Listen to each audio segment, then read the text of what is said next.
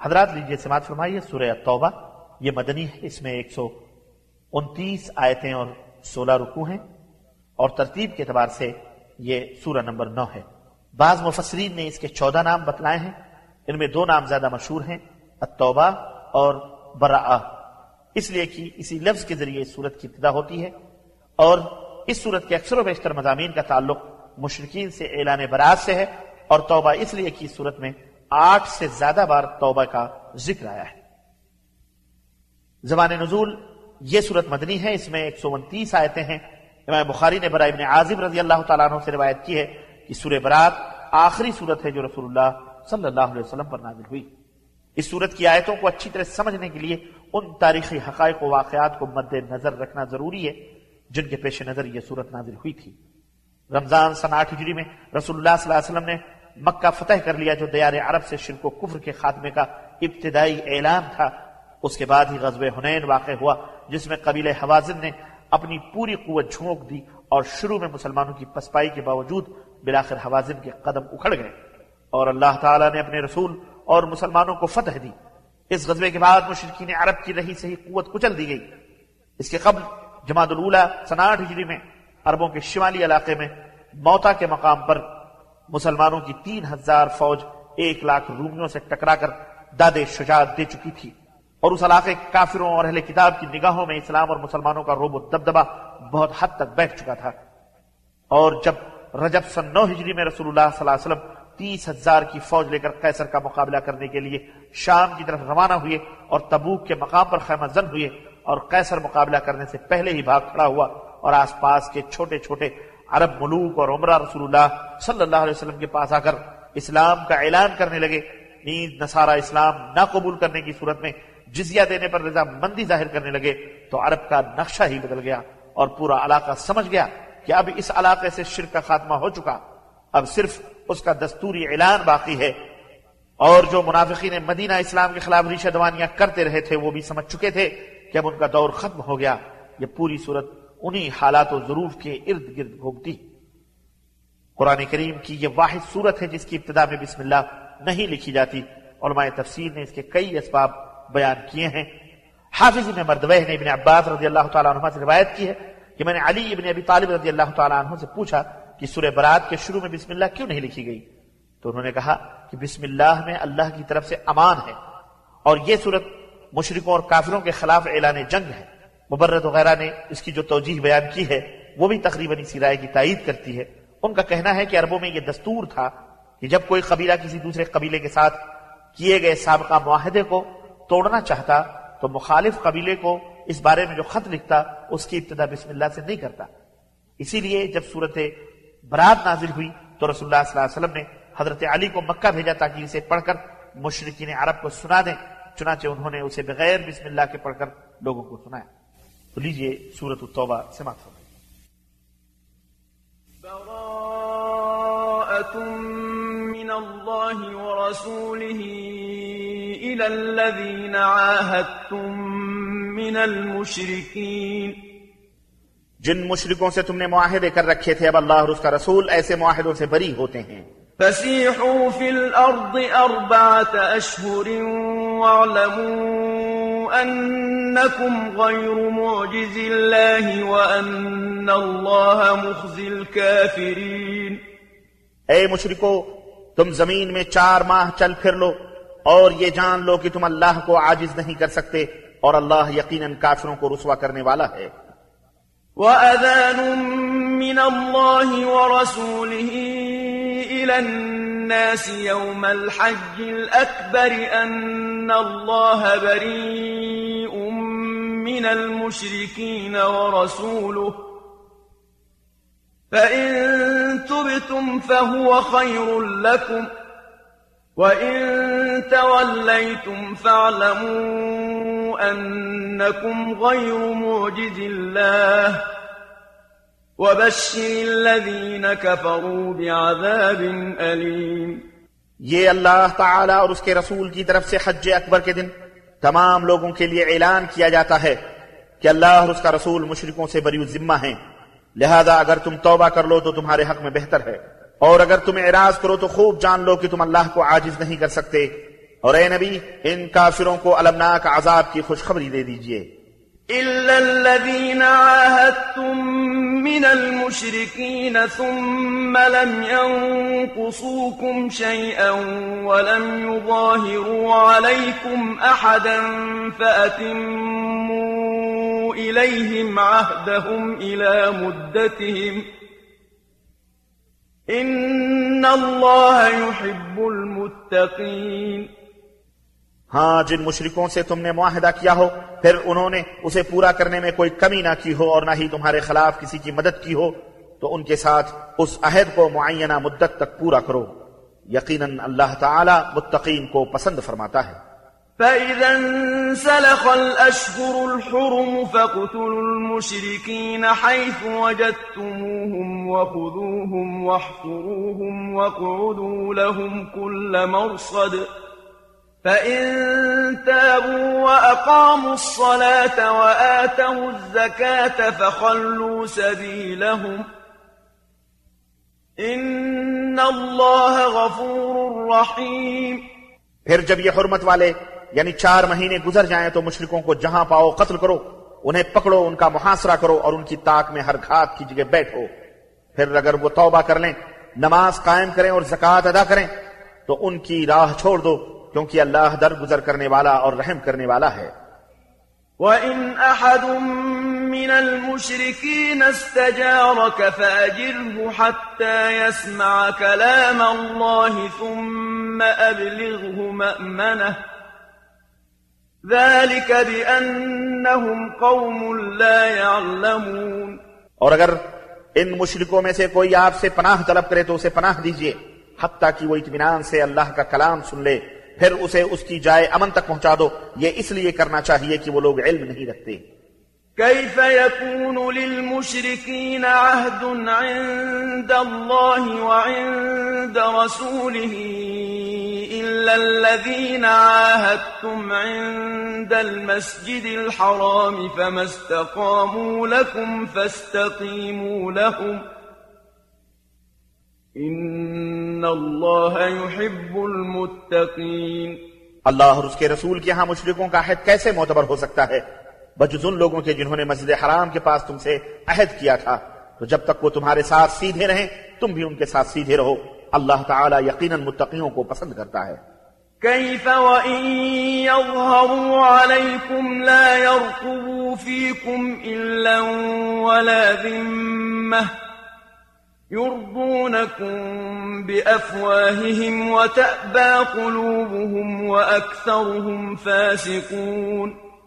ان کا عہد معتبر کیسے ہو سکتا ہے جبکہ اگر وہ تم پر قابو پائیں تو تمہارے معاملے میں نہ کسی رشتے کا لحاظ رکھیں گے اور نہ عہد و پیمان کا۔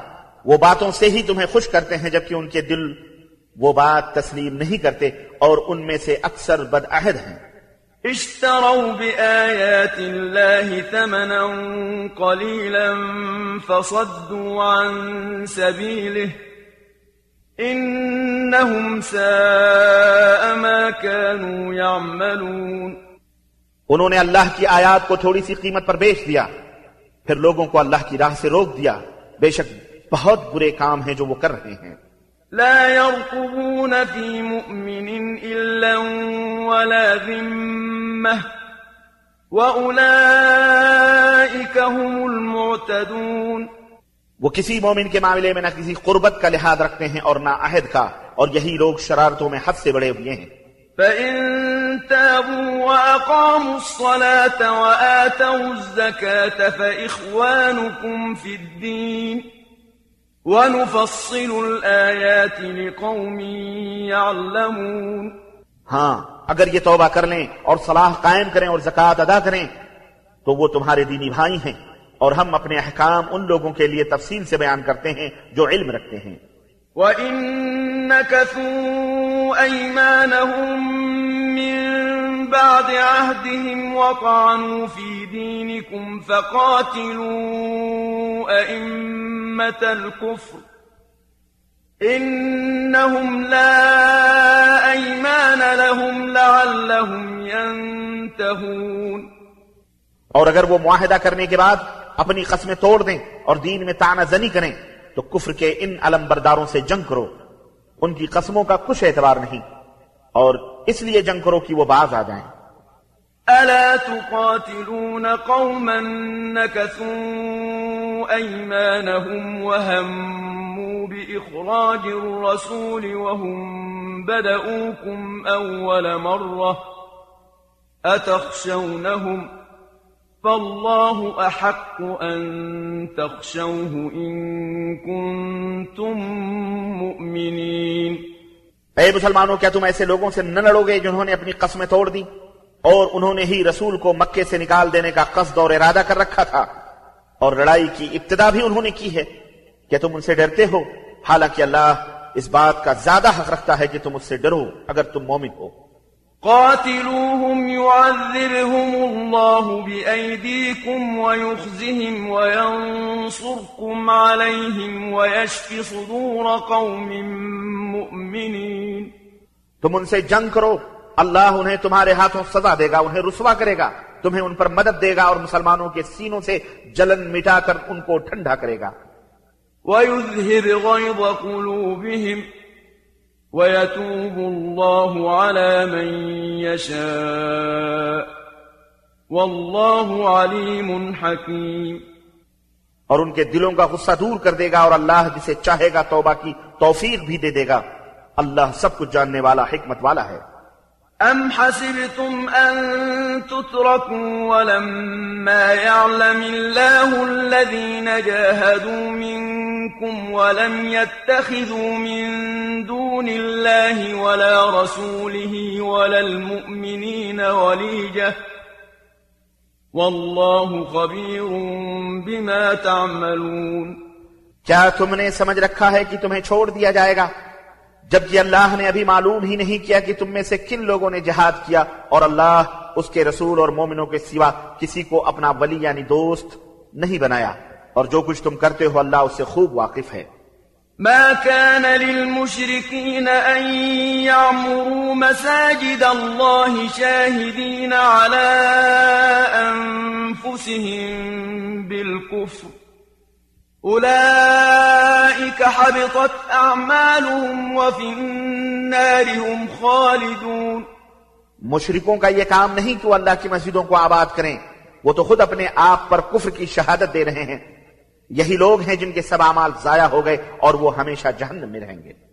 إنما يعمر مساجد الله من آمن بالله واليوم الآخر وأقام الصلاة وآتى الزكاة ولم يخش إلا الله فعسى أولئك أن يكونوا من المهتدين اللہ کی مساجد کو آباد کرنا تو اس کا کام ہے جو اللہ پر اور آخرت کے دن پر ایمان لائے۔ صلاح یعنی نماز قائم کرے زکاہ ادا کرے اور اللہ کے سوا کسی سے نہ ڈرے۔ امید ہے کہ ایسے ہی لوگ ہدایت یافتہ ہوں گے۔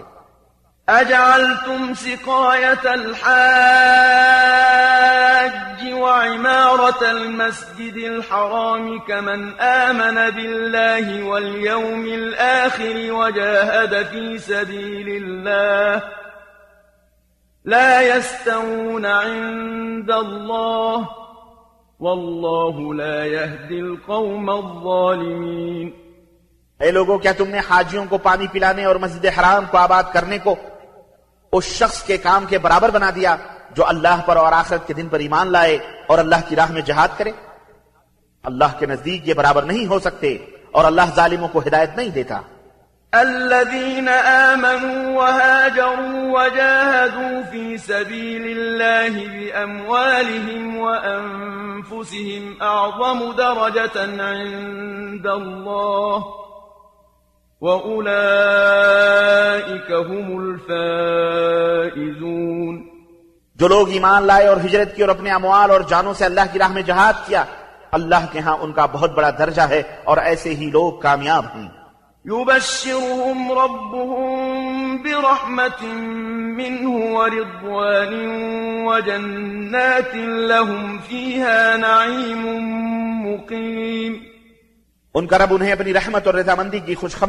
دیتا ہے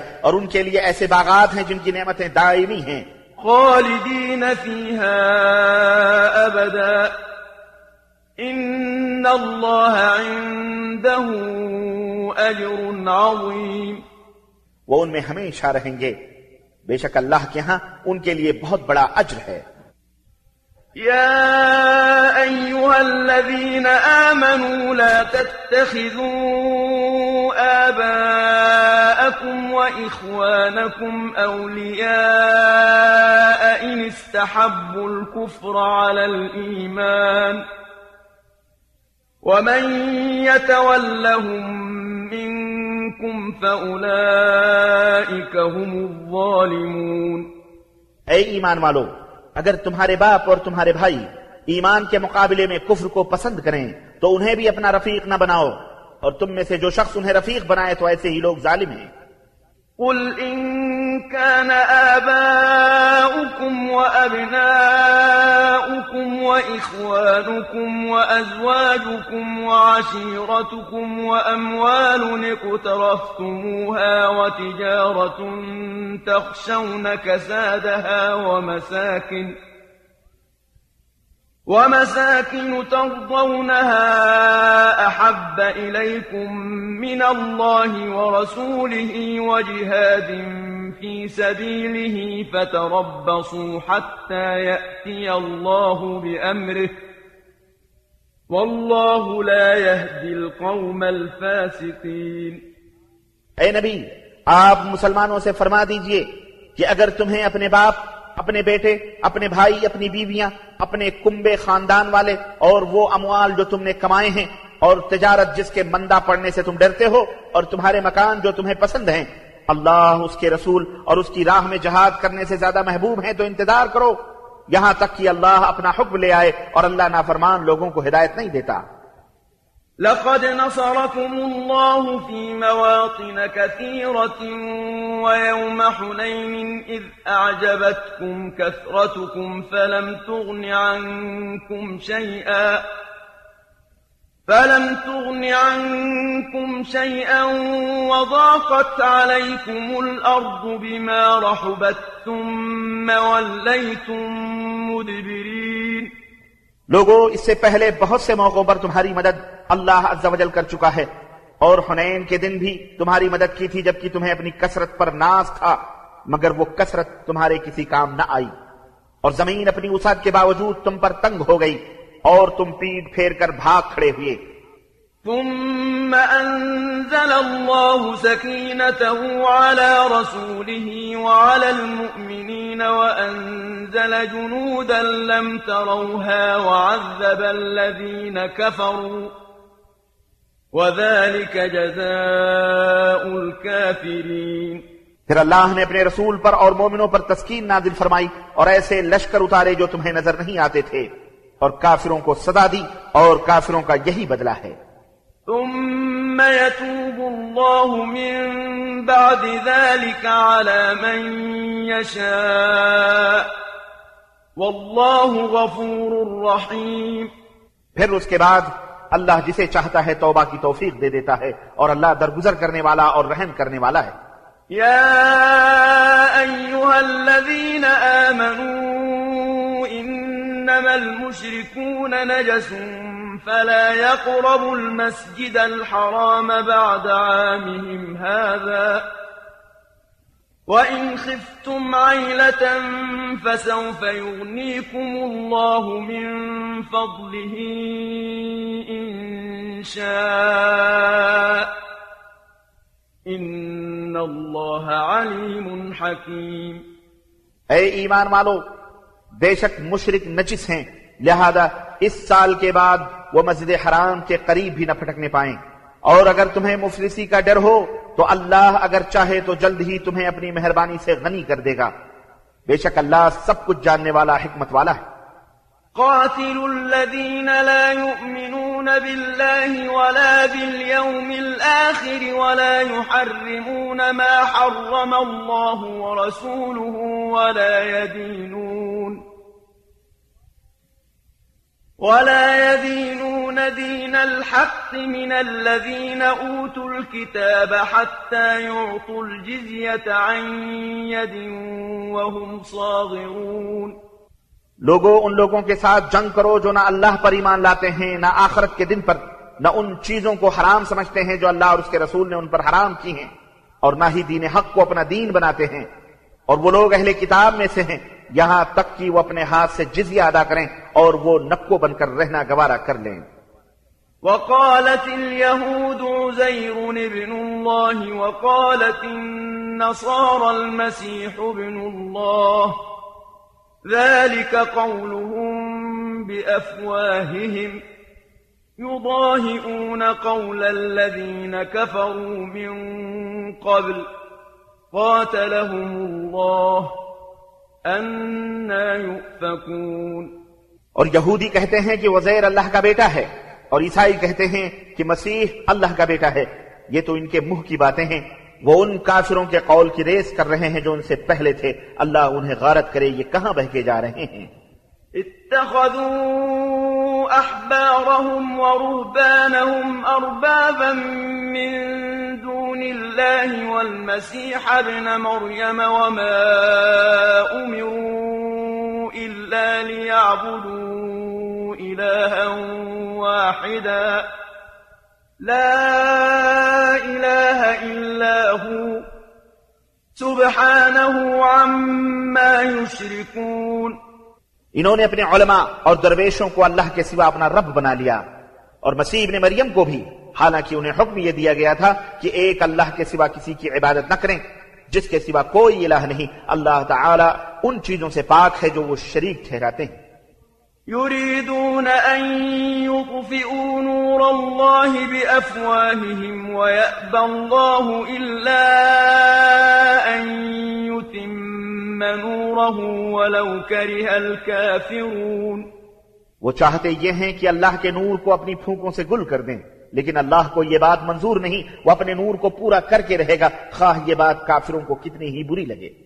هو الذي أرسل رسوله بالهدى ودين الحق ليظهره على الدين كله ولو كره المشركون.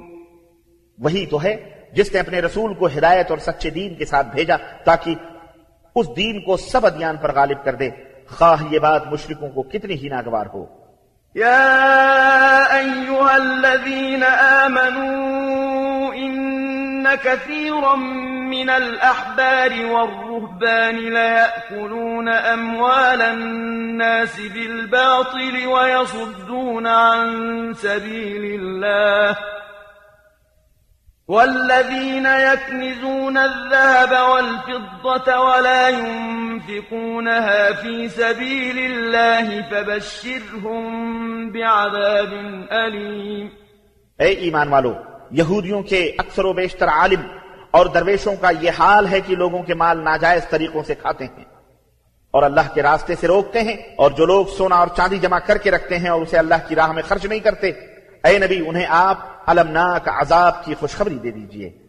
يوم يحمى عليها في نار جهنم فتكوى بها جباههم وجنوبهم وظهورهم هذا ما كنزتم لأنفسكم فذوقوا ما كنتم تكنزون. جس دن اس سونے اور چاندی کو جہنم کی آگ میں تپایا جائے گا پھر اس سے ان کی پیشانیوں پہلوؤں اور پشتوں کو داغا جائے گا اور کہا جائے گا یہ ہے وہ خزانہ جو تم نے اپنے لیے جمع کر رکھا تھا لہذا اب اپنی جمع شدہ دولت کا مزہ چکھو۔ إن عدة الشهور عند الله اثنا عشر شهرا في كتاب الله يوم خلق السماوات والأرض منها أربعة حرم. ذلك الدين القيم. فلا تظلموا فيهن أنفسكم. وقاتلوا المشركين كافة كما يقاتلونكم كافة. واعلموا أن الله مع المتقين. اللہ کے ہاں مہینوں کی تعداد بارہ ہی ہے۔ اللہ کے نوشتے کے مطابق اس دن سے جس دن اللہ نے آسمانوں اور زمین کو پیدا کیا جن میں چار مہینے حرمت والے ہیں یہی مستقل ضابطہ ہے۔ لہذا ان مہینوں میں قتال ناحق سے اپنے آپ پر ظلم نہ کرو اور مشرکوں سے سب مل کر لڑو جیسے وہ تم سے مل کر لڑتے ہیں اور جان لو کہ اللہ متقین کے ساتھ ہے۔ إنما النسيء زيادة في الكفر يضل به الذين كفروا يحلونه عاما ويحرمونه عاما۔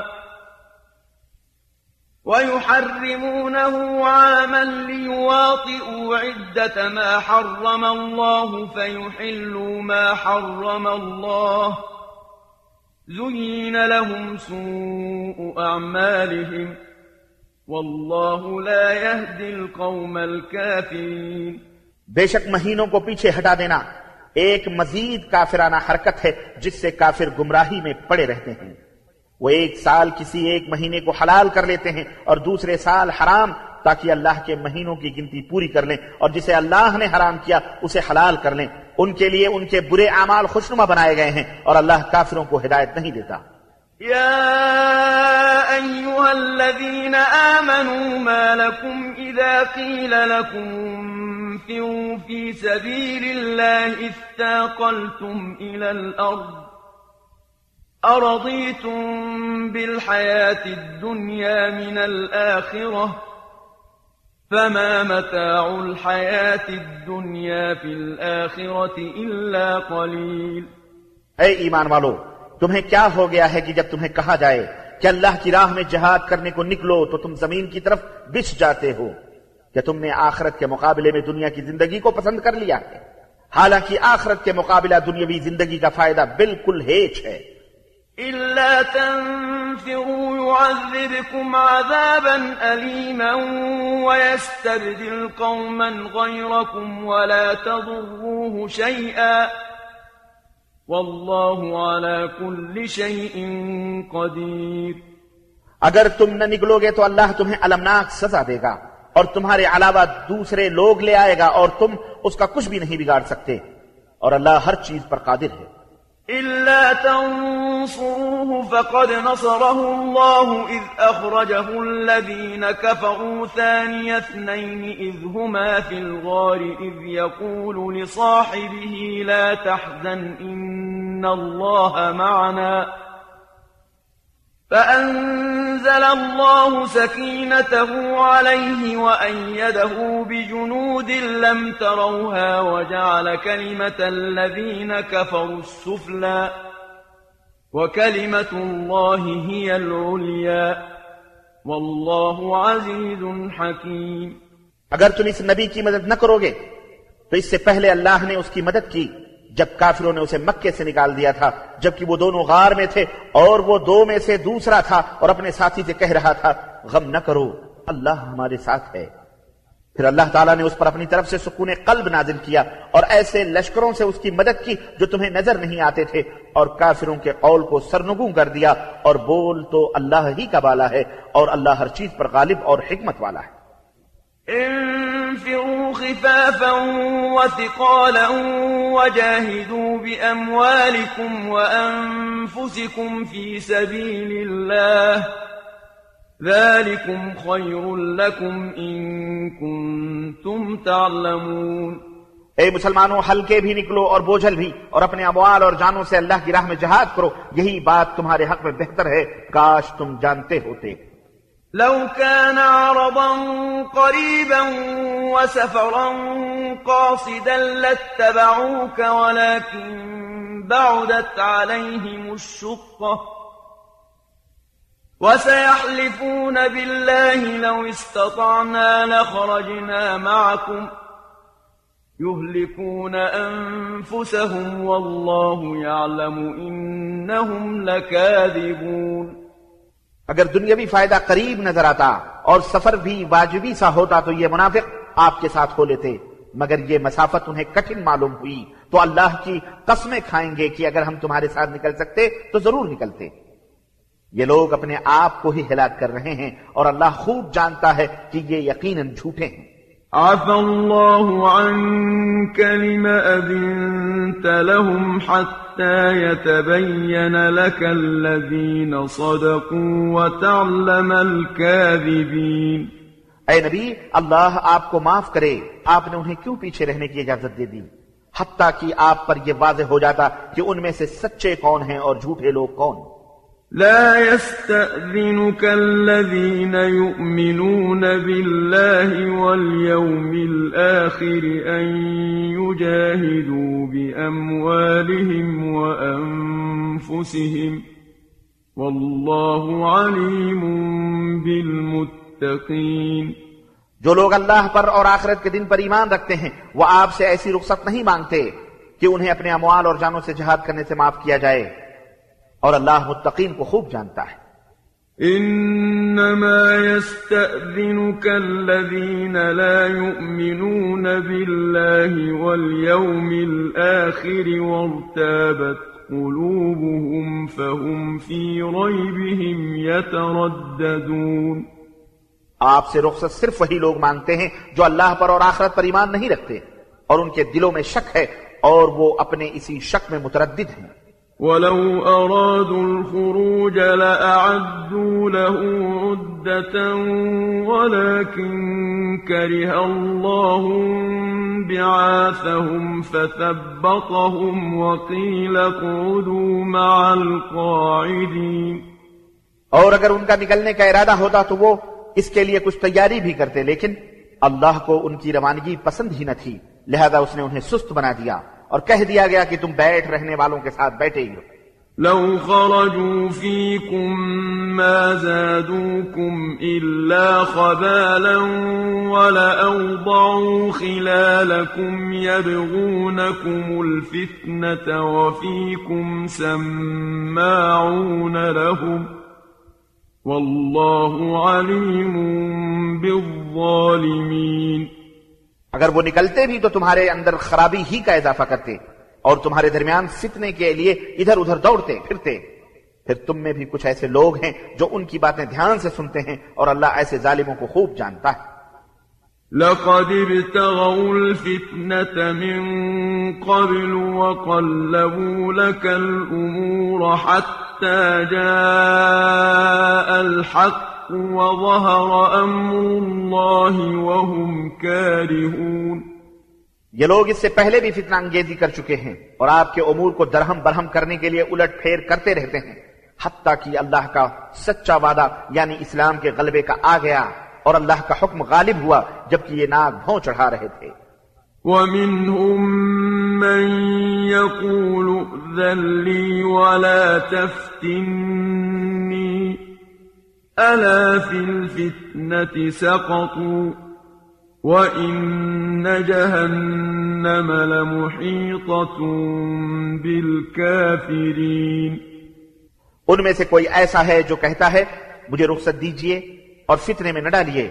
سن لو، فتنے میں تو یہ لوگ پہلے ہی پڑے ہوئے ہیں اور جہنم ایسے کافروں کو گھیرے ہوئے ہیں۔ إن تصبك حسنة تسؤهم وإن تصبك مصيبة يقولوا قد أخذنا أمرنا من قبل ويتولوا وهم فرحون اگر آپ کو کوئی بھلائی ملے تو انہیں بری لگتی ہے اور اگر کوئی مصیبت آ پڑے تو کہتے ہیں ہم نے تو اپنا معاملہ ہی درست رکھا تھا پھر وہ خوش خوش واپس چلے جاتے ہیں قل لن يصيبنا إلا ما كتب الله لنا هو مولانا وعلى الله فليتوكل المؤمنون ان سے کہیے کہ ہمیں اگر کوئی مصیبت آئے گی تو وہی آئے گی جو اللہ نے ہمارے مقدر میں لکھا ہے وہ ہمارا سرپرست ہے اور مومنوں کو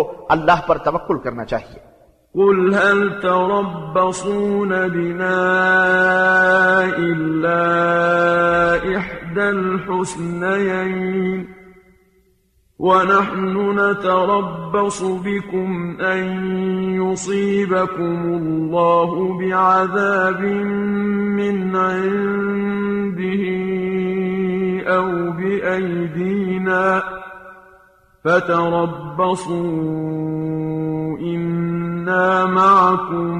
متربصون اسی طرح ان سے کہیے کہ تم ہمارے حق میں جس کا انتظار کر سکتے ہو وہ یہی ہے کہ ہمیں دو بھلائیوں میں سے ایک بھلائی مل جائے اور ہم تمہارے حق میں جس چیز کے منتظر ہیں وہ یہ ہے کہ اللہ تمہیں اپنے یہاں سے خود سزا دیتا ہے یا ہمارے ہاتھوں دلواتا ہے، لہذا تم بھی انتظار کرو اور ہم بھی تمہارے ساتھ انتظار کرتے ہیں۔ قل أنفقوا طوعا أو كرها لن يتقبل منكم إنكم كنتم قوما فاسقين ان سے کہہ دیجئے کہ تم خواہ خوشی سے خرچ کرو یا کراہت سے تم سے یہ صدقہ قبول نہیں کیا جائے گا کیونکہ تم فاسق لوگ ہو وما منعهم أن تقبل منهم نفقاتهم إلا أنهم كفروا بالله وبرسوله ولا يأتون الصلاة ولا يأتون الصلاة إلا وهم كسالى ولا ينفقون إلا وهم كارهون ان سے ان کے صدقات قبول نہ ہونے کی وجہ صرف یہ ہے کہ انہوں نے اللہ اور اس کے رسول کا انکار کیا اور اگر نماز کو آتے ہیں تو ڈھیلے ڈھالے اور اگر کچھ خرچ کرتے ہیں تو مجبوراً ہی خرچ کرتے ہیں۔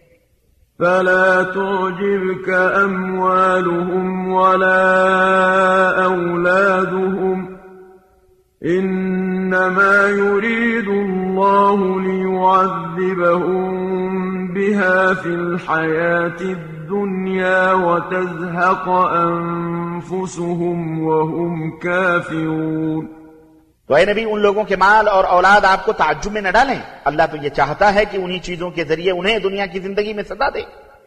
اور جب ان کی جان نکلے تو اس وقت یہ کافر ہی ہیں وَيَحْلِفُونَ بِاللَّهِ إِنَّهُمْ لَمِنكُمْ وَمَا هُمْ مِنكُمْ وَلَكِنَّهُمْ قَوْمٌ يَفْرَقُونَ۔ اور وہ لوگ اللہ کی قسمیں کھا کر کہتے ہیں کہ ہم تمہیں میں سے ہیں حالانکہ وہ ہرگز تم سے نہیں بلکہ یہ ڈرپوک لوگ ہیں۔ لو يجدون ملجأ أو مغارات أو مدخلا لولوا إليه وهم يجمحون اگر یہ کوئی پناہ کی جگہ یا غار یا سر چھپانے کی جگہ پالیں تو یہ تیزی سے دوڑتے ہوئے وہاں جا چکے ہیں۔ ومنهم من يلمزك في الصدقات فإن أعطوا منها رضوا وإن لم يعطوا منها إذا هم يسخطون اور ان میں کوئی ایسا ہے جو صدقات کی تقسیم میں آپ پر الزام لگاتا ہے؟ اگر انہیں کچھ مل جائے تو خوش ہو جاتے ہیں اور اگر نہ ملے تو فوراً ناراض ہو جاتے ہیں۔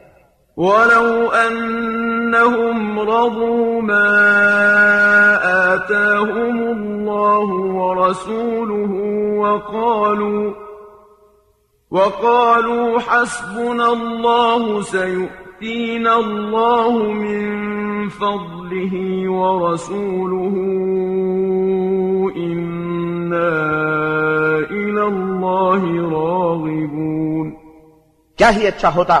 اگر وہ اس پر راضی ہو جاتے جو اللہ اور اس کے رسول نے انہیں دیا تھا اور کہتے کہ اللہ ہمارے لیے کافی ہے، اللہ ہمیں اپنے فضل سے بہت کچھ دے گا اور اس کا رسول بھی ہم اللہ ہی کی طرف رغبت رکھتے ہیں۔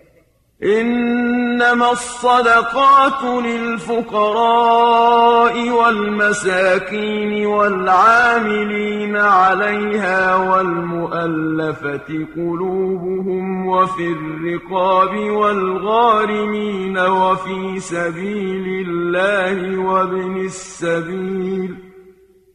فريضة من الله واللہ علیم حکیم۔ بے شک صدقات تو دراصل فقیروں، مسکینوں اور ان کارندوں کے لیے ہے جو ان کی اصولی پر مقرر ہیں۔ اسی طرح تعلیف قلب اور غلام آزاد کرانے قرض داروں کے قرض اتارنے، اللہ کی راہ میں اور مسافروں پر خرچ کرنے کے لیے ہیں۔ یہ اللہ کی طرف سے فریدہ ہے اور اللہ سب جاننے والا، حکمت والا ہے۔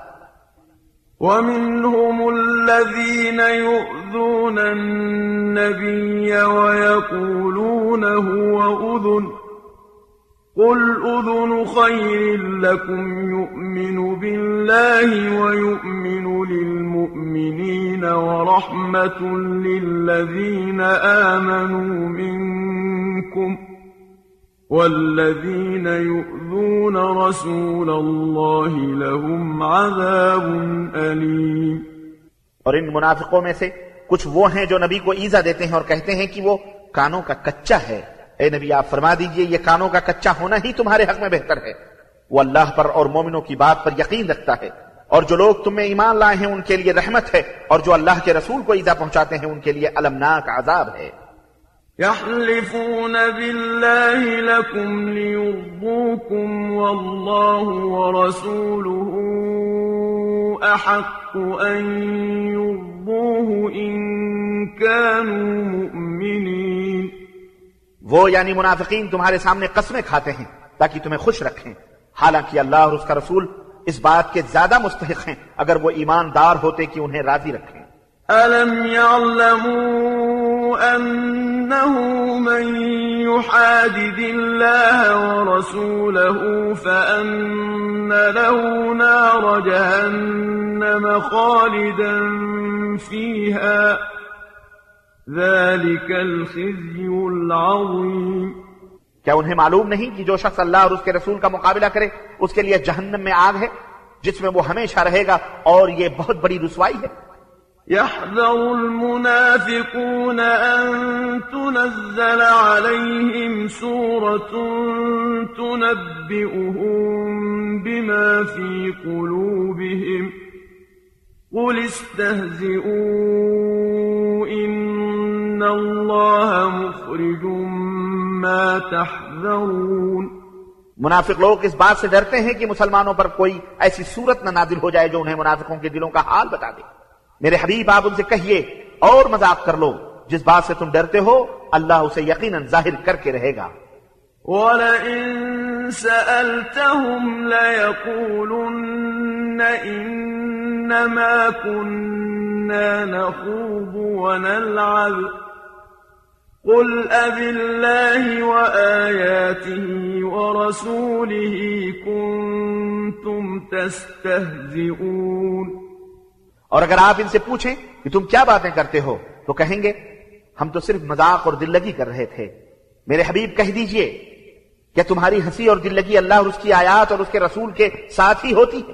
لا تعتذروا قد كفرتم بعد إيمانكم إن نعف عن طائفة منكم نعذب طائفة بأنهم كانوا مجرمين بہانے نہ بناؤ تم حقیقت میں ایمان لانے کے بعد کافر ہو چکے ہو۔ اگر ہم تمہارے ایک گروہ کو معاف کر بھی دیں تو دوسرے کو ضرور سزا دیں گے کیونکہ وہ حقیقت میں مجرم ہیں۔ المنافقون والمنافقات بعضهم من بعض يأمرون بالمنكر وينهون عن المعروف ويقبضون أيديهم. نسوا الله فنسيهم. إن المنافقين هم الفاسقون. منافق مرد ہوں یا عورتیں، ایک ہی تھیلی کے چٹھے بٹھے ہیں، وہ برے کام کا حکم دیتے ہیں اور بھلے کام سے روکتے ہیں اور اپنے ہاتھ بھلائی یا صدقہ سے بھینچ لیتے ہیں۔ اللہ کو بھول گئے تو اللہ نے انہیں بلا دیا۔ یہ منافق دراصل ہیں ہی نافرمان۔ وعد الله المنافقين والمنافقات والكفار نار جهنم خالدين فيها، هي حسبهم. ولعنهم الله ولهم عذاب مقيم. اللہ نے منافق مردوں، منافق عورتوں اور کافروں سے جہنم کی آگ کا وعدہ کیا ہے، جس میں وہ ہمیشہ رہیں گے، وہ انہیں کافی ہے، ان پر اللہ کی پھٹکار ہے اور ان کے لیے دائمی عذاب ہے۔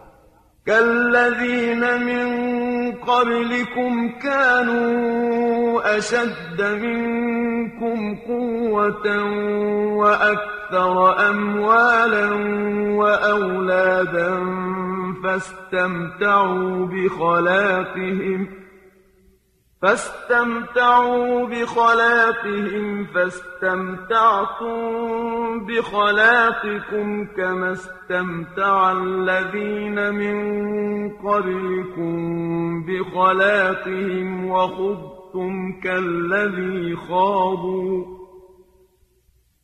أولئك حبطت أعمالهم في الدنيا والآخرة. وأولئك هم الخاسرون. یہ انہی لوگوں کی طرح ہیں جو ان سے پہلے تھے۔ وہ لوگ تم سے زیادہ طاقتور اور مال اور اولاد کے لحاظ سے تم سے بڑھ کر تھے۔ انہوں نے اپنے مقدر کے مزے لوٹے اور تم نے اپنے مقدر کے۔ جس طرح تم سے پہلے کے لوگوں نے اپنے مقدر کے مزے لوٹے تھے اور تم بھی انہی باتوں میں پڑ گئے جن میں وہ پڑے ہوئے تھے۔ ایسے ہی لوگ ہیں جن کے اعمال دنیا اور آخرت میں برباد ہو جائیں گے اور یہی لوگ خسارہ پانے والے ہیں۔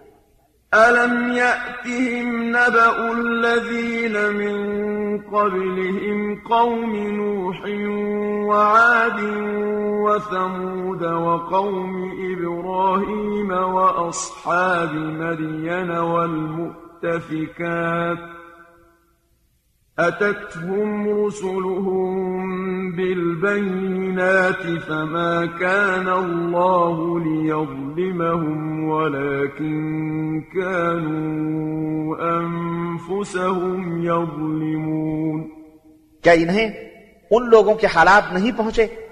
جو ان سے پہلے گزر چکے ہیں۔ مثلا، نوح کی قوم، عاد، سمود اور ابراہیم کی قوم، مدین کے باشندے، اور وہ بستیاں جنہیں الٹ دیا گیا تھا، اور ان کے پاس ان کے رسول واضح دلیل لے کر آئے تھے۔ اللہ کے لائق نہ تھا کہ وہ ان پر ظلم کرتا، بلکہ وہ خود ہی اپنے آپ پر ظلم کر رہے تھے۔ والمؤمنون والمؤمنات بعضهم أولياء بعض۔ يأمرون بالمعروف وينهون عن المنكر ويقيمون الصلاة ويؤتون الزكاة ويطيعون الله ورسوله.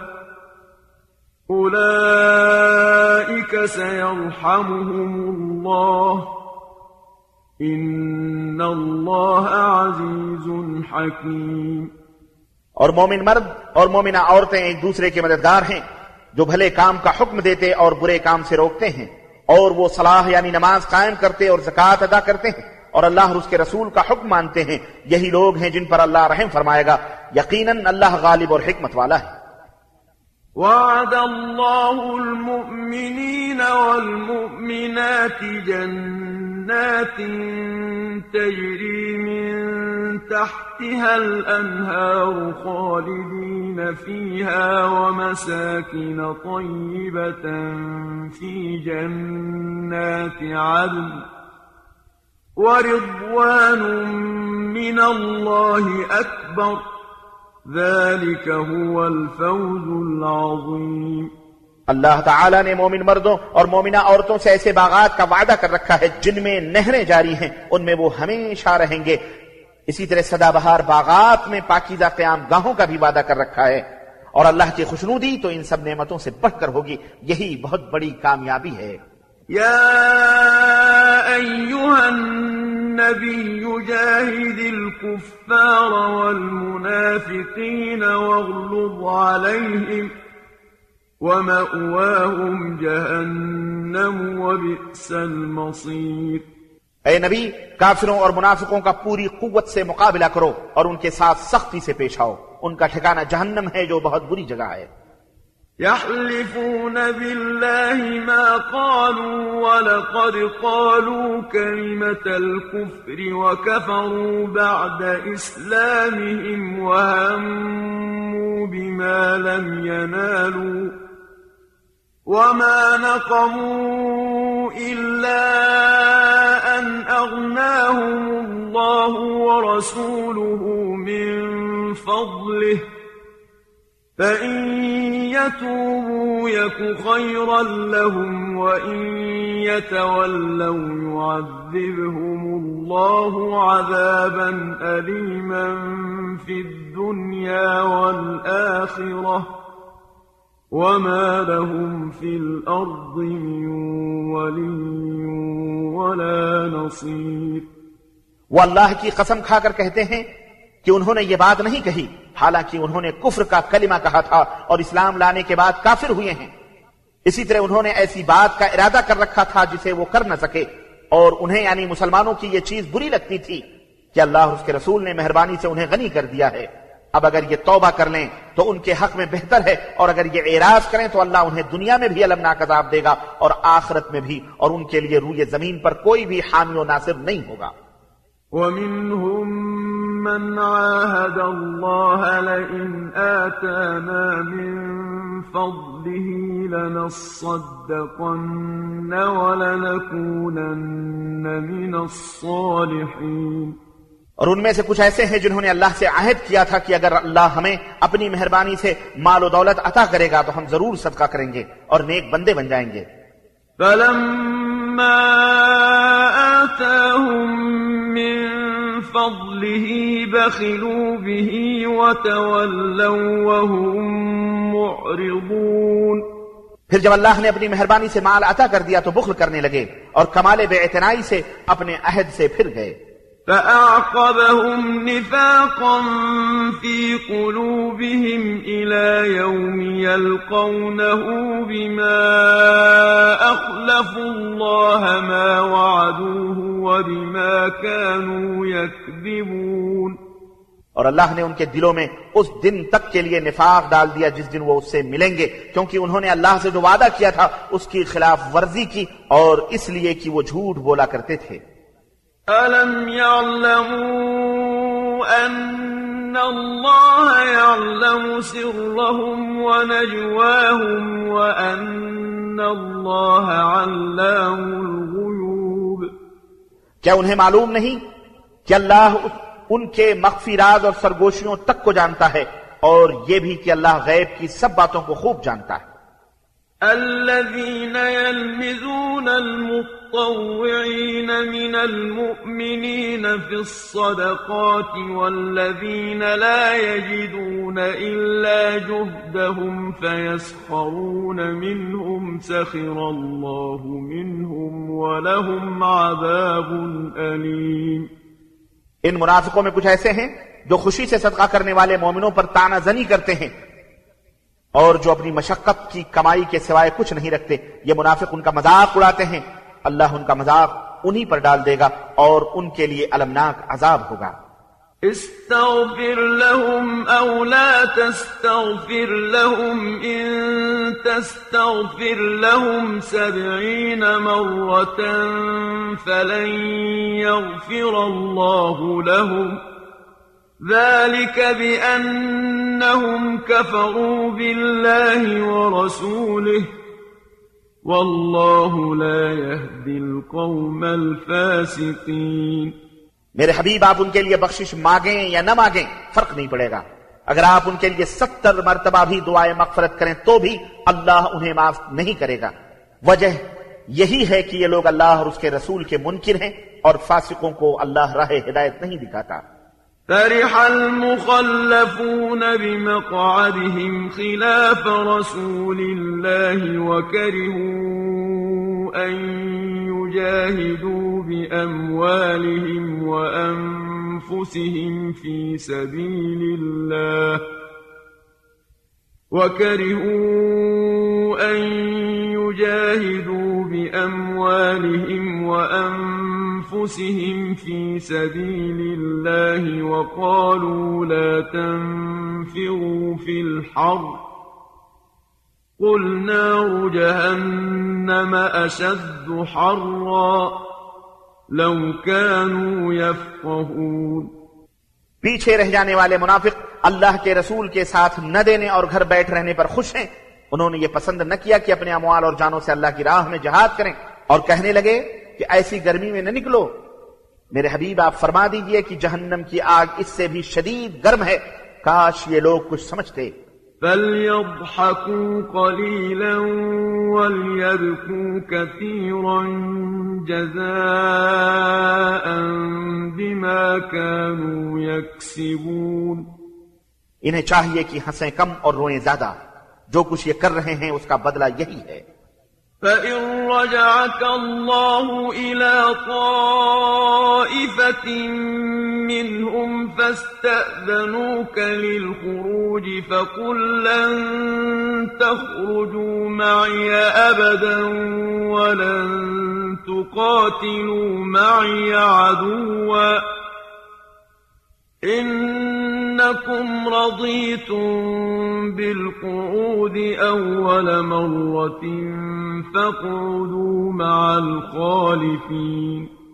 پھر اگر اللہ آپ کو ان منافقوں کے کسی گروہ کی طرف واپس لائے اور وہ آپ سے جہاد پر نہ جانے کی اجازت مانگے، تو آپ کہہ دیجیے کہ تم میرے ساتھ کبھی نہ نکلو گے اور نہ ہی میرے ہمراہ دشمن سے جنگ کرو گے کیونکہ تم پہلی دفعہ پیچھے بیٹھ رہنے پر خوش تھے، تو اب بھی پیچھے رہنے والوں کے ساتھ بیٹھے رہو۔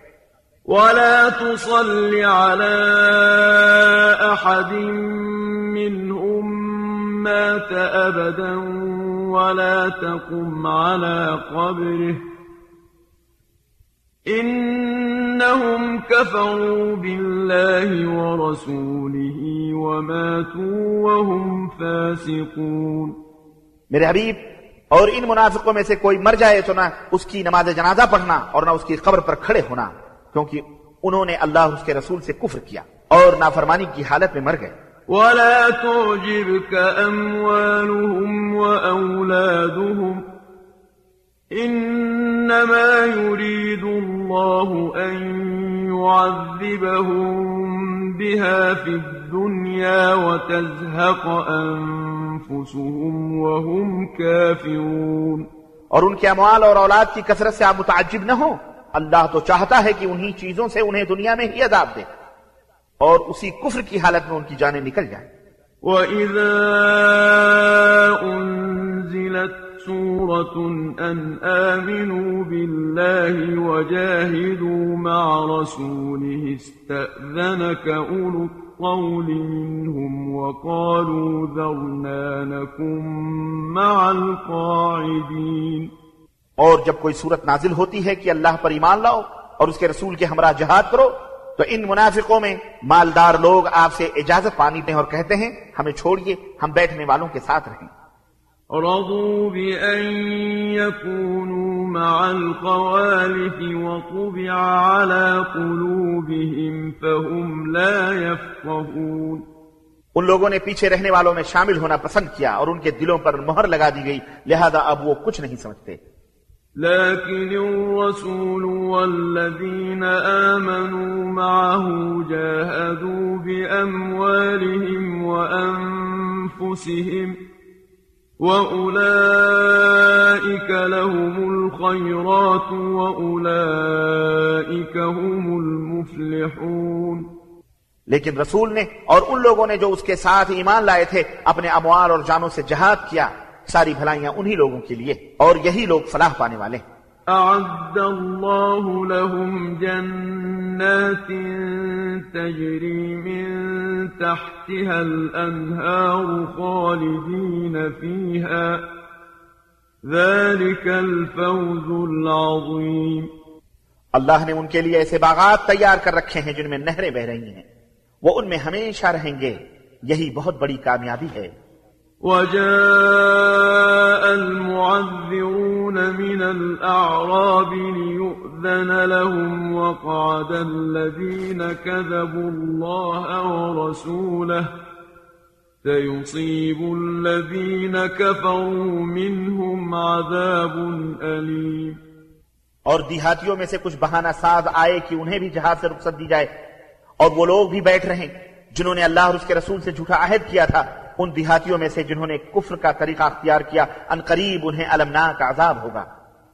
ليس على الضعفاء ولا على المرضى ولا على الذين لا يجدون ما ينفقون حرج إذا نصحوا لله ورسوله. ما على المحسنين من سبيل واللہ غفور رحیم۔ کمزور اور مریض اور وہ لوگ جن کے پاس شرکت جہاد کے لیے خرچ کرنے کو کچھ نہیں، پیچھے رہ جائیں تو کوئی حرج نہیں۔ بشرطے کہ وہ اللہ اور اس کے رسول کے خیر خواہ ہوں۔ ایسے محسنین پر کوئی الزام نہیں اور اللہ درگزر کرنے والا، رحم کرنے والا ہے۔ ولا على الذين إذا ما أتوك لتحملهم قلت لا أجد ما أحملكم عليه تولوا تولوا وأعينهم تفيض من الدمع حزنا ألا يجدوا ما ينفقون اور نہ ہی ان لوگوں پر کچھ الزام ہے جو آپ کے پاس آئے کہ آپ انہیں سواری مہیا کریں تو آپ نے کہا کہ میرے پاس تمہارے لیے سواری نہیں۔ تو وہ واپس چلے گئے اور اس غم سے ان کی آنکھیں اشکبار تھیں کہ ان کے پاس خرچ کرنے کو کچھ نہیں۔ انما السبيل على الذين يستأذنونك وهم اغنياء رضوا بأن يكونوا مع الخوالف وطبع الله على قلوبهم فهم لا يعلمون الزام تو ان لوگوں پر ہے جو غنی ہونے کے باوجود آپ سے رخصت مانگتے ہیں۔ انہوں نے پیچھے رہ جانے والوں کے ساتھ شامل ہونا پسند کیا اور اللہ نے ان کے دلوں پر مہر لگا دی، لہذا اب یہ کچھ نہیں جانتے۔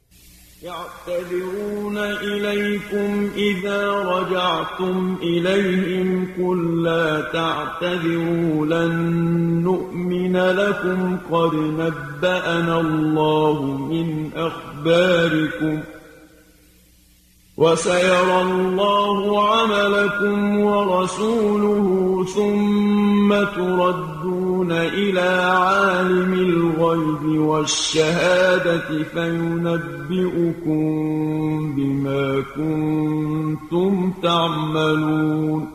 جب تم ان کے پاس واپس آؤ گے، تو وہ تمہارے سامنے معذرت شروع کر دیں گے۔ میرے حبیب، آپ ان سے فرما دیجیے کہ بہانے نہ بناؤ۔ ہم تمہاری باتوں پر یقین نہیں کریں گے، کیونکہ اللہ نے ہمیں تمہارے حالات بتا دیے ہیں اور آئندہ بھی اللہ اور اس کا رسول تمہارے کام دیکھ لیں گے۔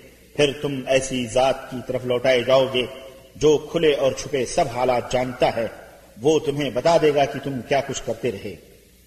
ويحلفون بالله لكم إذا انقلبتم إليهم لتعرضوا عنهم فأعرضوا عنهم إنهم رجس ومأواهم جهنم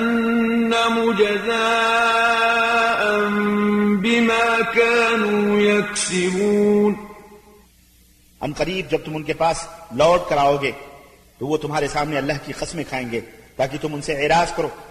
سو تم ان سے اعراض کرنا کیونکہ وہ ناپاک ہیں اور ان کا ٹھکانہ جہنم ہے، یہ ان کے کاموں کا بدلہ ہے جو وہ کرتے رہے۔ يحلفون لكم لترضوا عنهم، فإن ترضوا عنهم فإن الله لا يرضى عن القوم الفاسقين. وہ تمہارے سامنے قسمیں کھائیں گے تاکہ تم ان سے راضی ہو جاؤ۔ اگر تم راضی ہو جاؤ تو بھی اللہ ایسے فاسق لوگوں سے راضی نہیں ہوگا۔ الأعراب أشد كفرا ونفاقا وأجدر ألا يعلموا حدود ما أنزل الله على رسوله. والله عليم حكيم. دیہاتی عرب کفر اور نفاق میں زیادہ شدید ہیں اور ان میں یہ امکان زیادہ ہے کہ اس دین کی حدود کو نہ سمجھ سکیں۔ جو اللہ نے اپنے رسول پر نازل کی ہیں اور اللہ سب کچھ جاننے والا اور حکمت والا ہے۔ ومن الأعراب من يتخذ ما ينفق مغرما ويتربص بكم الدوائر عليهم دائرة السوء والله سميع عليم ان دیہاتیوں میں کچھ ایسے بھی ہیں جو اللہ کی راہ میں خرچ کریں تو اسے تامان سمجھتے ہیں اور تمہارے معاملے میں گردش زمانہ کے منتظر ہیں۔ حالانکہ بری گردش انہی پر مسلط ہے اور اللہ سب کچھ سننے والا اور جاننے والا ہے۔ ومن الأعراب من يؤمن بالله واليوم الآخر ويتخذ ما ينفق قربات عند الله وصلوات الرسول. ألا إنها قربة لهم؟ سيدخلهم الله في رحمته. إن الله غفور رحيم. ایسے بھی ہیں جو اللہ اور آخرت کے دن پر ایمان رکھتے ہیں اور جو کچھ خرچ کریں اسے قرب الہی اور دعائے رسول کا ذریعہ سمجھتے ہیں۔ سن لو، یہ واقعی ان کے لیے قرب الہی کا ذریعہ ہے۔ جلد ہی اللہ تعالیٰ انہیں اپنی رحمت میں داخل کرے گا۔ اللہ یقیناً معاف کرنے والا اور رحم کرنے والا ہے۔ والسابقون الأولون من المهاجرين والأنصار والذين اتبعوهم بإحسان رضي الله عنهم ورضوا عنه رضي الله عنهم ورضوا عنه وأعد لهم جنات تجري تحتها الأنهار خالدين فيها أبدا ذلك الفوز العظيم اور وہ مہاجر اور انصار جنہوں نے سب سے پہلے ایمان لانے میں سبقت کی، اور وہ لوگ جنہوں نے احسن طریقے پر ان کی اتباع کی۔ اللہ ان سب سے راضی ہوا اور وہ اللہ سے راضی ہوئے۔ اللہ نے ان کے لیے ایسے باغات تیار کر رکھے ہیں جن میں نہریں جاری ہیں۔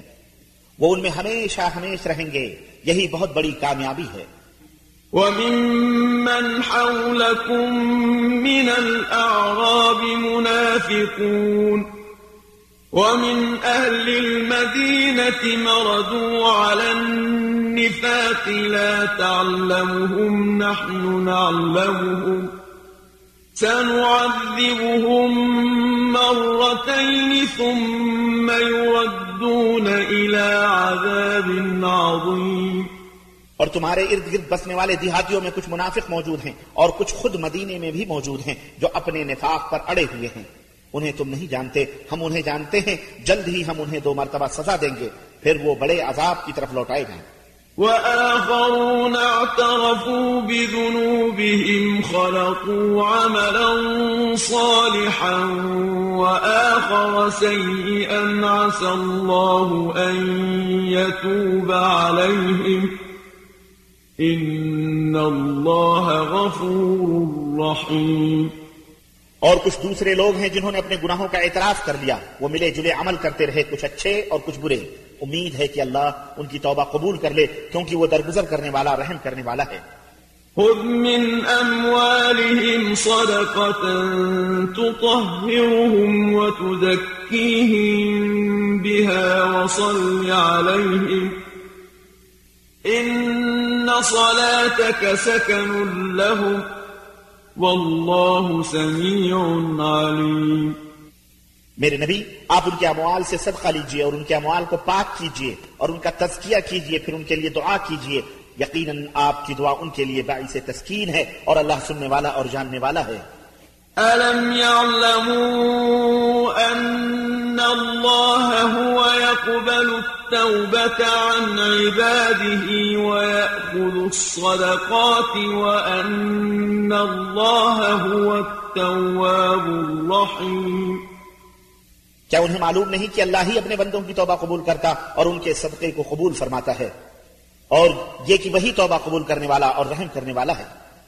وَقُلْ اعملوا فسيرى اللَّهُ عَمَلَكُمْ وَرَسُولُهُ وَالْمُؤْمِنُونَ وستردون إلى عالم الغيب والشهادة فينبئكم بما كنتم تعملون. اور آپ ان سے کہہ دیجیے کہ عمل کرتے جاؤ۔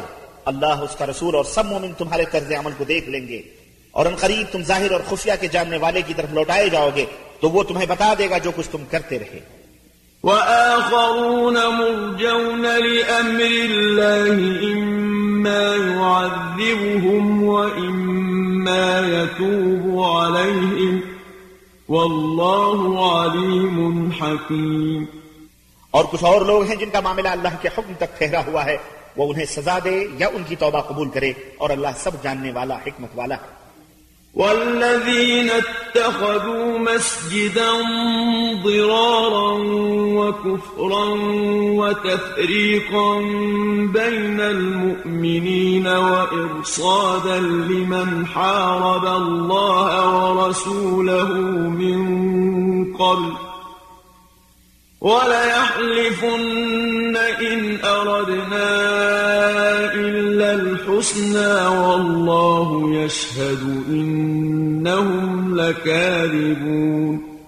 کچھ اور ہیں جنہوں نے مسجد بنائی اس غرض سے کہ وہ دعوت حق کو نقصان پہنچائیں، کفر پھیلائیں، مومنوں میں تفرقہ ڈالیں اور یہ ان کے لیے کمین گاہ بنے جو اس سے پیشتر اللہ اور اس کے رسول سے برتر پیکار رہے ہیں۔ اور وہ قسمیں کھاتے ہیں کہ ہمارا ارادہ بھلائی کے سوا کچھ نہیں۔ اور اللہ گواہی دیتا ہے کہ یہ یقیناً جھوٹے ہیں لا تقم فيه أبدا. لمسجد أسس على التقوى من أول يوم أحق أن تقوم فيه. فيه رجال يحبون أن يتطهروا. والله يحب المطهرين. اے نبی، آپ اس یعنی مسجد زرار میں کبھی بھی نماز کے لیے کھڑے نہ ہونا۔ وہ مسجد جس کی پہلے دن سے تقوی پر بنیاد رکھی گئی تھی، زیادہ مستحق ہے کہ آپ اس میں کھڑے ہوں۔ اس میں ایسے لوگ ہیں جو پاک رہنا پسند کرتے ہیں اور اللہ پاک رہنے والوں کو پسند کرتا ہے۔ أفمن أسس بنيانه على تقوى من الله ورضوان خير أم من أسس بنيانه على شفا جوف هار فانهار به فانهار به في نار جهنم والله لا يهدي القوم الظالمين سوچو کیا وہ شخص بہتر ہے جس نے اپنی عمارت کی بنیاد اللہ کے خوف اور اس کی رضا پر رکھی ہو، یا وہ شخص بہتر ہے جس نے اپنی عمارت کی بنیاد ایک کھوکھلے گڑھے کے کنارے پر رکھی ہو، جو اس کو بھی لے کر جہنم کی آگ میں جا گرے؟ ایسے ظالم لوگوں کو اللہ کبھی ہدایت نہیں دیتا۔ لا يزال بنيانهم الذي بنوا ريبة في قلوبهم إلا أن تقطع قلوبهم والله عليم حكيم۔ یہ عمارت یعنی مسجد زرار جو ان لوگوں نے بنائی ہے ہمیشہ ان کے دلوں میں کھٹکتی رہے گی۔ اللہ یہ کہ ان کے دل ہی پارا پارا ہو جائیں۔ اور اللہ سب جاننے والا حکمت والا ہے۔ إن الله اشترى من المؤمنين أنفسهم وأموالهم بأن لهم الجنة يقاتلون في سبيل الله فيقتلون ويقتلون. وعدا عليه حقا في التوراة والإنجيل والقرآن. ومن أوفى بعهده من الله فاستبشروا ببيعكم الذي بايعتم به. وذلك هو الفوز العظيم۔ اللہ تعالیٰ نے مومنوں سے ان کی جانیں اور ان کے مال جنت کے بدلے خرید لیے ہیں۔ وہ اللہ کی راہ میں مارتے بھی ہیں اور مرتے بھی ہیں۔ تورات، انجیل اور قرآن سب کتابوں میں اللہ کے ذمہ یہ پختہ وعدہ ہے اور اللہ سے بڑھ کر اپنے وعدہ کو وفا کرنے والا اور کون ہو سکتا ہے؟ لہذا اے مسلمانوں، تم نے جو سودا کیا ہے اس پر مسرت مناؤ اور یہی بڑی کامیابی ہے۔ التائبون العابدون الحامدون السائحون الراكعون الساجدون الآمرون بالمعروف الآمرون بالمعروف والناهون عن المنكر والحافظون لحدود الله وبشر المؤمنين وہ مومنین توبہ کرنے والے، عبادت گزار، حمد کرنے والے روزہ دار رکو کرنے والے، سجدہ کرنے والے، نیک کام کا حکم دینے والے اور برے کاموں سے روکنے والے اور اللہ کی حدود کی حفاظت کرنے والے ہیں۔ جو یہ سودا کرتے ہیں اور ایسے مومنوں کو خوشخبری دیجیے ما كان للنبي والذين آمنوا أن يستغفروا للمشركين ولو كانوا أولي قربى من بعد ما تبين لهم أنهم أصحاب الجحيم. نبی اور ایمان والوں کے لیے مناسب نہیں کہ وہ مشرکوں کے لیے بخشش طلب کریں۔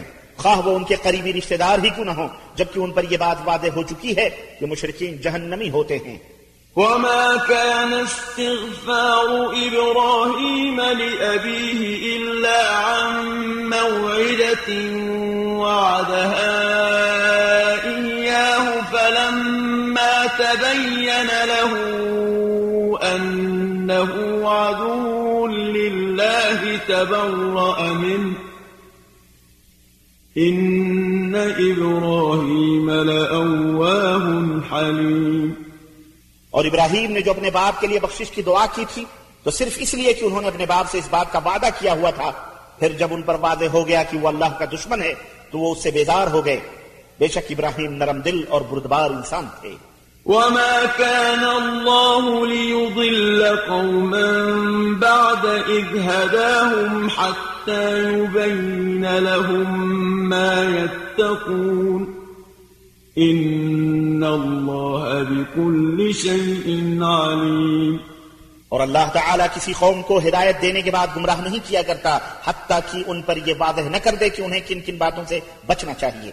اللہ تعالیٰ یقیناً ہر چیز کو جاننے والا ہے۔ إن الله له ملك السماوات والأرض يحيي ويميت وما لكم من دون الله من ولي ولا نصير بے شک آسمانوں اور زمین کی حکومت اللہ ہی کے لیے ہے، وہی زندہ کرتا اور مارتا ہے، اور اللہ کے سوا تمہارا کوئی والی اور مددگار نہیں۔ لقد تاب الله على النبي والمهاجرين والأنصار الذين اتبعوه في ساعة العسرة من بعد ما كاد يزيغ قلوب فريق منهم ثم تاب عليهم إنه بهم رؤوف رحيم اللہ تعالیٰ نے اپنے نبی مہاجرین اور انصار پر مہربانی کی جنہوں نے بڑی تنگی کے وقت اس کا ساتھ دیا تھا۔ اگرچہ اس وقت بعض لوگوں کے دل کجی کی طرف مائل ہو چکے تھے، پھر اللہ نے ان پر رحم فرمایا، کیونکہ اللہ مسلمانوں پر بڑا مہربان رحم کرنے والا ہے۔ وعلى الثلاثة الذين خلفوا حتى إذا ضاقت عليهم الأرض بما رحبت وضاقت عليهم أنفسهم وظنوا وظنوا أن لا ملجأ من الله إلا إليه ثم تاب عليهم ليتوبوا إن الله هو التواب الرحيم. اور ان تین آدمیوں پر بھی مہربانی کی جن کا معاملہ ملتوی رکھا گیا تھا، حتیٰ کی زمین اپنی وسعت کے باوجود ان پر تنگ ہو گئی۔ اور ان کی اپنی جانیں بھی تنگ ہو گئیں۔ اور انہیں یہ یقین تھا کہ اللہ کے سوا ان کے لیے کوئی جائے پناہ نہیں۔ پھر اللہ نے ان پر مہربانی کی تاکہ وہ توبہ کریں۔ اللہ تعالیٰ یقین ان توبہ قبول کرنے والا، رحم کرنے والا ہے۔ يا أيها الذين آمنوا اتقوا الله وكونوا مع الصادقين اے ایمان والو، اللہ سے ڈرتے رہو اور سچے لوگوں کا ساتھ دو۔ ما كان لأهل المدينة ومن حولهم من الأعراب أن يتخلفوا عن رسول الله ولا يرغبوا بأنفسهم عن نفسه. ذلك بأنهم لا يصيبهم ظمأ ولا نصب ولا مخمصة في سبيل الله ولا يطؤون ولا يطؤون موطئا يغيظ الكفار ولا ينالون من عدو نيلا إلا كتب لهم به عمل صالح إن الله لا يضيع أجر المحسنين اہل مدینہ کے لیے اور ان دیہاتیوں کے لیے جو ان کے گرد و نواح میں بستے ہیں، یہ مناسب نہیں تھا کہ وہ جہاد میں رسول اللہ سے پیچھے رہ جائیں اور اپنی جانوں کو آپ کی جان سے عزیز تر سمجھیں۔ یہ اس لیے کہ مجاہدین اللہ کی راہ میں پیاس، تھکان یا بھوک کی جو بھی مصیبت جھیلتے ہیں یا کوئی ایسا مقام طے کرتے ہیں جو کافروں کو ناگوار ہو یا دشمن سے وہ کوئی کامیابی حاصل کرتے ہیں تو ان کے لیے نیک عمل لکھ دیا جاتا ہے۔ اللہ تعالی یقیناً اچھے کام کرنے والوں کے اجر کو ضائع نہیں کرتا۔ ولا ينفقون نفقة صغيرة ولا كبيرة ولا يقطعون واديا إلا كتب لهم ليجزيهم الله أحسن ما كانوا يعملون. اسی طرح یہ مجاہدین جو بھی تھوڑا یا زیادہ خرچ کرتے ہیں یا کوئی وادی طے کرتے ہیں، تو یہ چیزیں ان کے حق میں لکھ دی جاتی ہیں تاکہ اللہ انہیں ان کے اعمال کا بہتر صلہ عطا فرمائے، جو وہ کرتے رہے۔ وما كان المؤمنون لينفروا كافة فلولا نفر من كل فرقة منهم ليتفقهوا في الدين ولينذروا قومهم إذا رجعوا إليهم لعلهم يحذرون.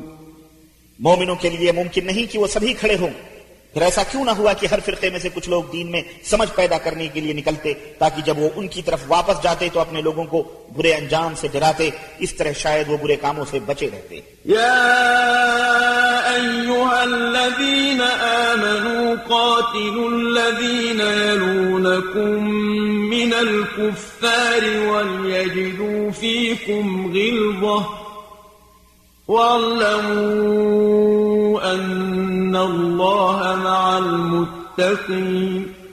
اے ایمان والو ان کافروں سے جنگ کرو جن کا علاقہ تمہارے ساتھ ملتا ہے اور ان کے ساتھ تمہیں سختی سے پیش آنا چاہیے اور یہ جان لو کہ اللہ متقین کے ساتھ ہے۔ وَإِذَا مَا أُنزِلَتْ سُورَةٌ فَمِنْهُمْ مَنْ يَقُولُ أَيُّكُمْ زَادَتْهُ هَذِهِ إِيمَانًا فَأَمَّا الَّذِينَ آمَنُوا فَزَادَتْهُمْ إِيمَانًا وَهُمْ يَسْتَبْشِرُونَ اور جب کوئی نئی صورت نازل ہوتی ہے تو منافقوں میں کچھ ایسے لوگ ہیں جو کہتے ہیں کہ اس صورت نے تم میں سے کس کے ایمان میں اضافہ کیا؟ تو اس کا جواب یہ ہے کہ جو ایمان لائے ہیں اس نے فی الواقع ان کے ایمان میں اضافہ کیا ہے اور وہ اس صورت کے نزول پر خوش ہوتے ہیں۔ وَأَمَّا الَّذِينَ فِي قُلُوبِهِم مَّرَضٌ فَزَادَتْهُمْ رِجْسًا إِلَىٰ رِجْسِهِمْ وَمَاتُوا وَهُمْ كَافِرُونَ۔ رہے وہ لوگ جن کے دلوں میں بیماری ہے یعنی نفاق کی تو اس صورت نے ان کی پہلی ناپاکی پر مزید ناپاکی کا اضافہ کر دیا۔ اور وہ مرتے دم تک کافر کے کافر ہی رہے۔ أَوَلَا يَرَوْنَ أَنَّهُمْ يُفْتَنُونَ فِي كُلِّ عَامٍ مَّرَّةً أَوْ مَرَّتَيْنِ ثُمَّ لَا يَتُوبُونَ وَلَا هُمْ يَذَّكَّرُونَ۔ کیا وہ یہ نہیں دیکھتے کہ انہیں ہر سال ایک بار یا دو بار کوئی نہ کوئی مصیبت پیش آ جاتی؟ پھر بھی یہ لوگ نہ توبہ کرتے ہیں اور نہ نصیحت قبول کرتے ہیں۔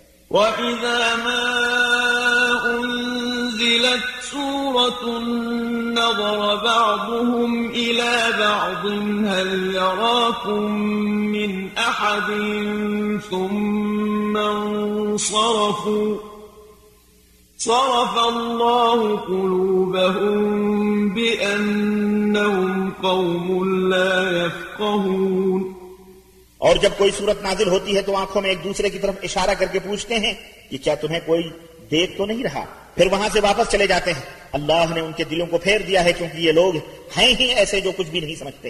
لقد جاءكم رسول من أنفسكم عزيز عليه ما عنتم حريص عليكم بالمؤمنين رؤوف رحيم اے لوگو، تمہارے پاس تمہیں میں سے ایک رسول آیا ہے۔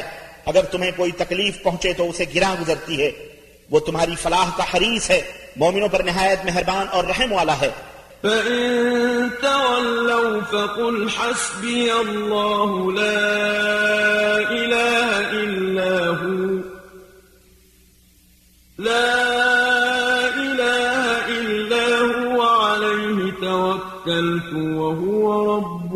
العرش العظيم. پھر بھی اگر یہ لوگ اعراض کریں تو کہہ دیجیے کہ مجھے میرا اللہ کافی ہے جس کے سوا کوئی الہ نہیں۔ میں اسی پر بھروسہ کرتا ہوں اور وہی عرش عظیم کا مالک۔